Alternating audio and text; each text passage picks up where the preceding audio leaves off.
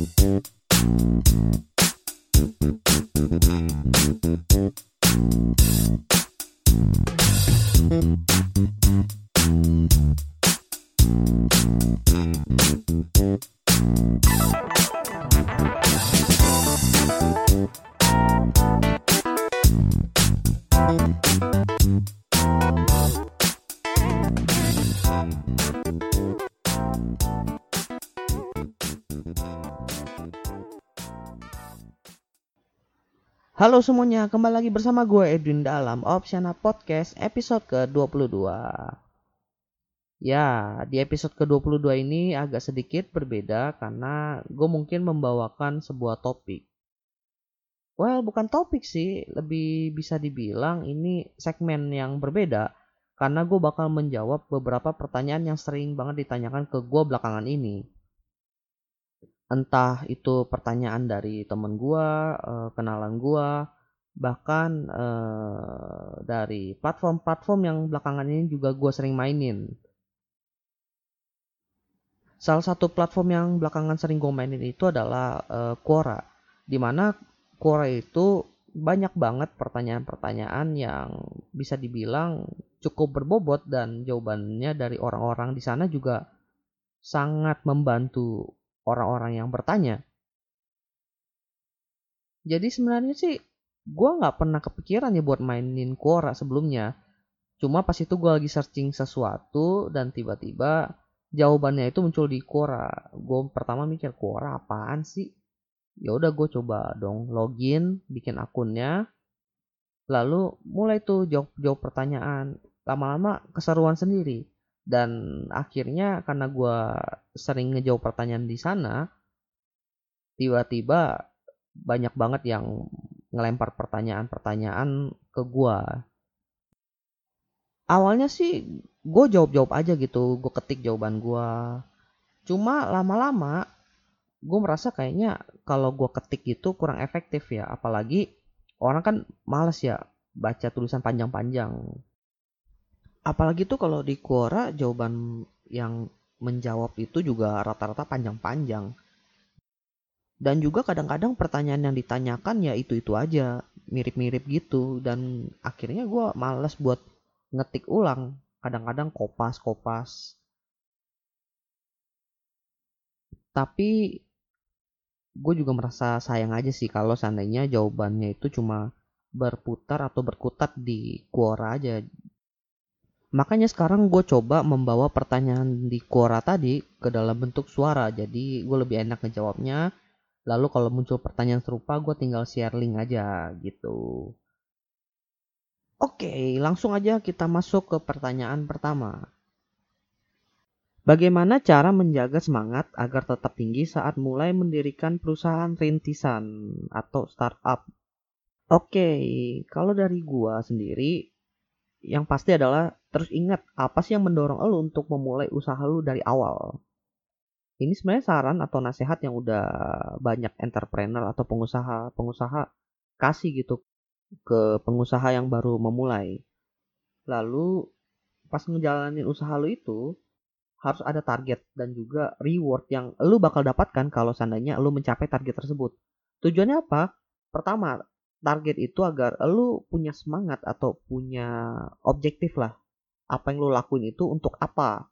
Dan reward itu adalah ketika lu mencapai target tersebut dan lu mendapatkan reward lu terpacu untuk menetapkan target-target yang lain sehingga ketika target lain itu tercapai lu mendapatkan reward yang lain pula. Jadi jatuhnya itu uh, kalau misalkan target pertama tercapai lu nggak leha-leha langsung aja target selanjutnya apa, rewardnya apa, dan lo kejar gitu targetnya. Kemudian kalau lo lagi down, ya flashback aja nggak apa-apa. Kayak lo ngelihat nih apa yang udah lo capai selama ini. Ketika lo start belum ada apa-apa, sampai posisi lo sekarang lo udah punya apa aja. Dan juga mungkin lo bisa menambah beban di usaha lo gitu. Misalnya dengan nambah karyawan. Tujuannya apa? Jadi lo terpacu untuk memenuhi kewajiban lu dalam menggaji karyawan lu. Jatuhnya sih kayak beban sosial. Kalau misalnya lu nggak bisa ngegaji karyawan lu, nanti keluarga karyawan lu gimana?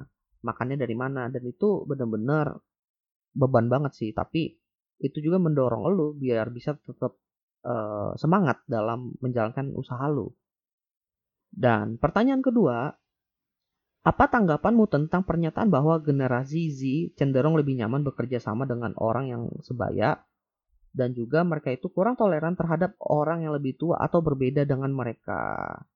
Nah, pertama kita cek dulu nih, generasi Z itu yang dimaksud apa?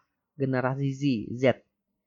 Sebenarnya gue masih agak bingung sih dengan istilah ini karena ada yang bilang generasi Z itu adalah uh, termasuk milenial. Sedangkan ada juga yang bilang bahwa generasi Z itu adalah generasi post milenial atau setelah milenial. Cuma yang bisa gue pastikan adalah bahwa generasi Z itu punya kesamaan yaitu mereka itu adalah tech savvy. Mereka itu ahli banget menggunakan teknologi. Dan kalau dibilang generasi Z itu lebih nyaman bekerja sama dengan orang yang sebaya, gue bisa bilang bahwa semua generasi juga gitu kok. Bukan cuma generasi Z aja.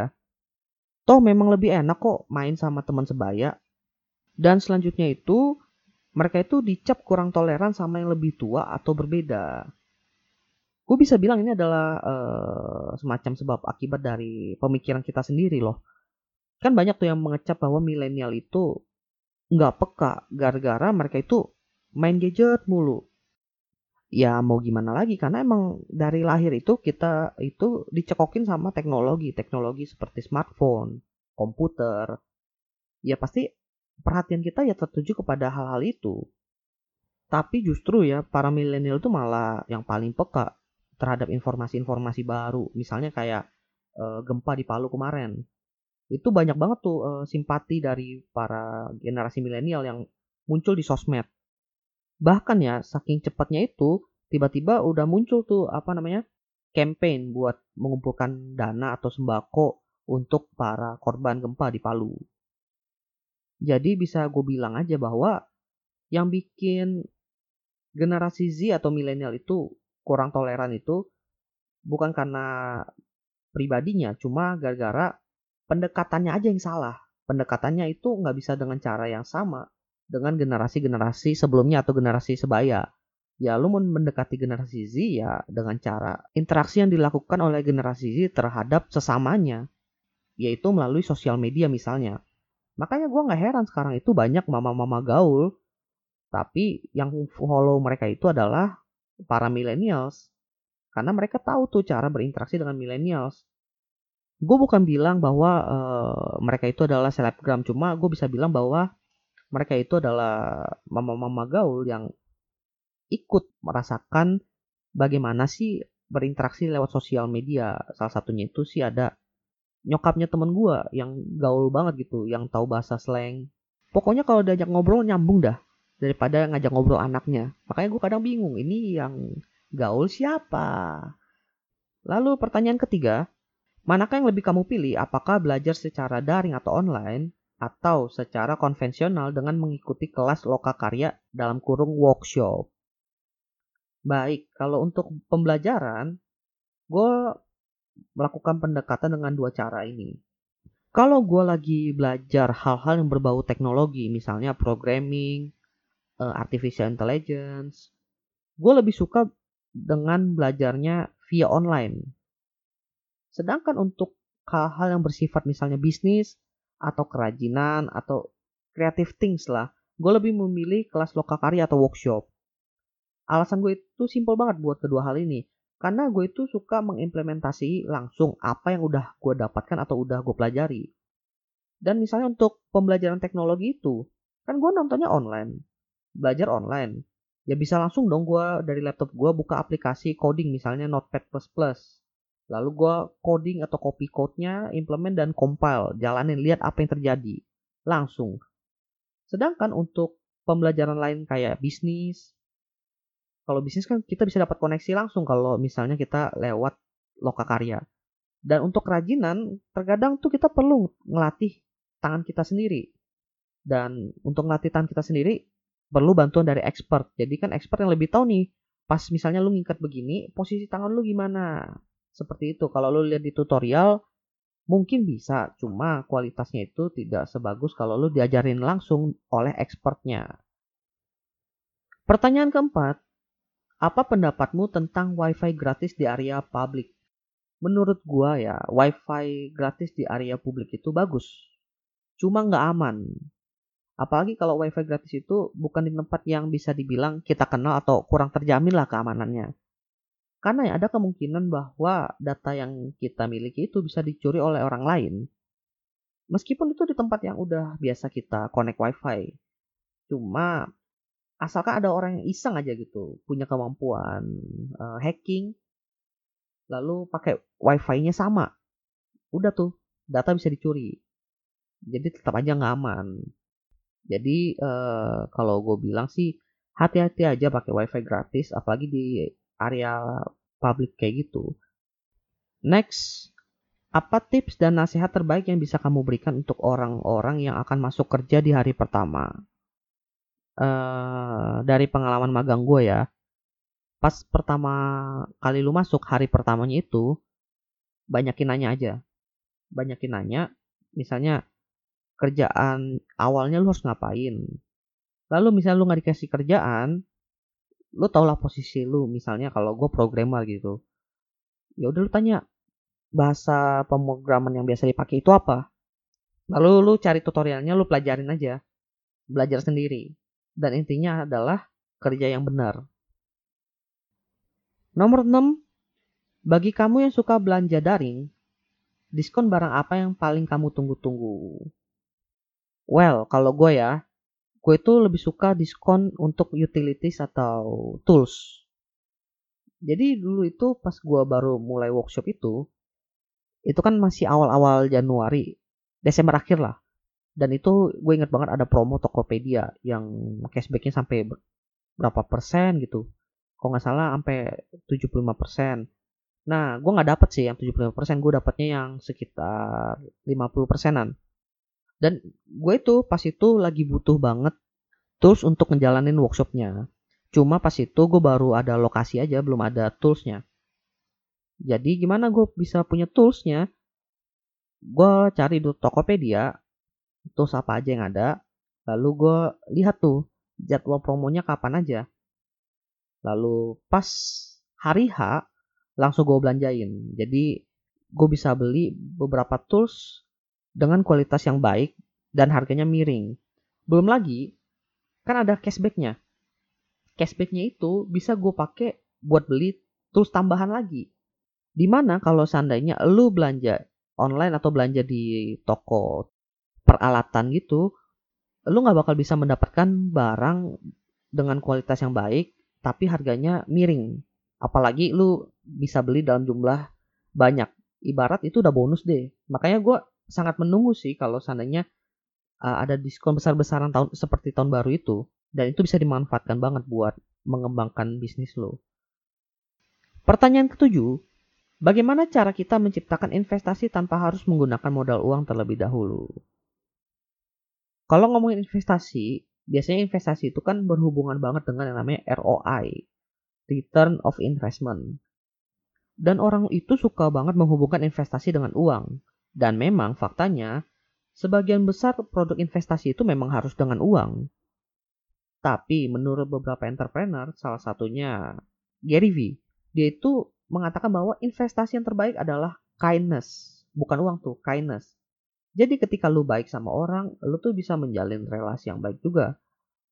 Dan ketika lu ngasih konten gratis kepada semua orang, lu bisa menjadi inspirasi buat semua orang. Dan ketika lu menjadi inspirasi ke semua orang, orang yang merasa lu menjadi inspirasi ketika lu ingin menjalin relasi dengan mereka akan menjadi lebih mudah. And you get the attention from them. Itu ROI-nya. Ada juga nih dari Robert Kiyosaki. Dia juga bilang ya bahwa ketika lu itu ingin berinvestasi, yang pertama harus lakukan adalah lu harus belajar dulu. Apa yang mau lu fokuskan buat menjadi sebuah aset? Jadi kata kuncinya di sini yaitu belajar, koma, ilmu. Cuma kalau seandainya investasi yang lu maksud di sini adalah investasi yang eh, menghasilkan uang, ya pasti lu butuh uang juga buat berinvestasi dulu. returnnya juga pasti uang. Next, bisnis apa saja yang bisa dilakukan remaja jenjang SMA dan bagaimana cara memulainya? Simple, menurut gua, semua bisnis itu bisa dilakukan oleh semua anak SMA. Salah satu contohnya itu Mister Yasa Singgi. Dia itu kan mulainya dari pas zaman di SMA. Dia mulainya jualan kaos sablon. Nggak usah yang ribet-ribet deh, yang gampang aja. Tapi kalau ditanya cara mulainya gimana, ya udah tinggal mulai aja. Gampang kok sekarang. Lu buka internet, buka Tokopedia, daftar, klik jadi merchant, selesai, lu udah punya toko. Kalau misalnya lu belum punya barang, ya dropship aja. Kalau misalnya lu nggak bisa ngurusin, ya minta bantuan orang tua. Orang tua lu pasti ngerti kok. Karena mereka biayain lu buat sekolah, tapi lu mau jalan usaha, mereka pasti menghargai. Dan mereka itu pasti ngebantu lu buat menjalankan usaha lu. So, santai aja. Pertanyaan nomor 9.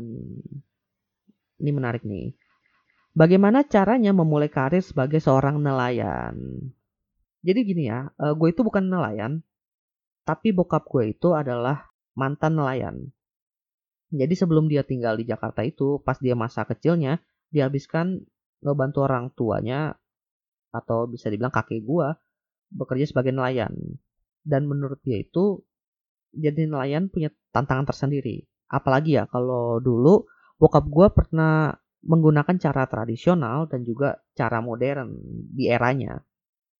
Lalu gue juga nanya tuh, gimana dia bisa jadi nelayan? Pas masih menggunakan cara tradisional, ya dia ngikutin kakek gue buat jadi nelayan. Toh kakek gue emang dari awalnya juga, juga nelayan. Tapi pas dia udah menggunakan cara modern, jadi cara modernnya itu cuma beda di alat doang. Kapalnya bukan kapal yang uh, kayu, ini kapalnya udah motorboat lah. Caranya untuk menjadi nelayan dengan teknologi seperti itu, ya dia deketin yang punya kapal dan dia ditempatkan saat itu jadi juru masak. Gue nggak tahu sih pas itu uh, berapa lama ya. Pokoknya katanya bertahun-tahun deh dia jadi juru masak, tapi dia udah bantu-bantu juga pas nangkap ikannya. Hingga akhirnya bokap gue itu dipercaya buat bantu nyetir atau bisa bilang apa ya jadi nahkoda kapalnya deh. Jadi kalau lu mau jadi nelayan yang pertama lu harus tahu dulu siapa dari kenalan lu atau mungkin orang terdekat di sekitar lu yang punya koneksi dengan nelayan. Ya udah lu deketin. Lalu lu coba tanya-tanya-tanya kalau misalnya dia ngasih kontak nelayannya ya udah lu kontak langsung dan lu tanya-tanya dulu. Belajarlah dari mereka. Lalu pertanyaan terakhir, seberapa banyak sih perusahaan di Indonesia yang menganggap karyawan itu sebagai aset bukan sebagai biaya beban?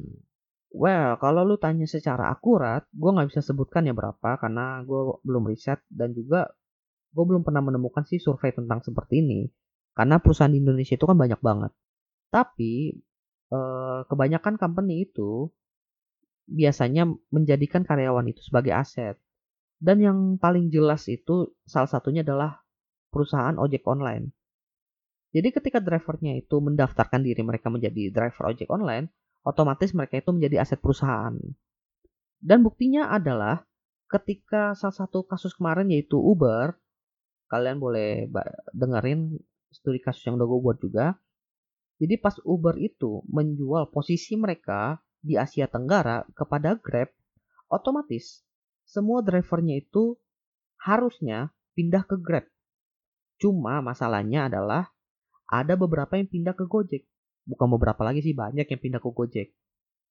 Kok bisa gitu? Ya sekali lagi, aset.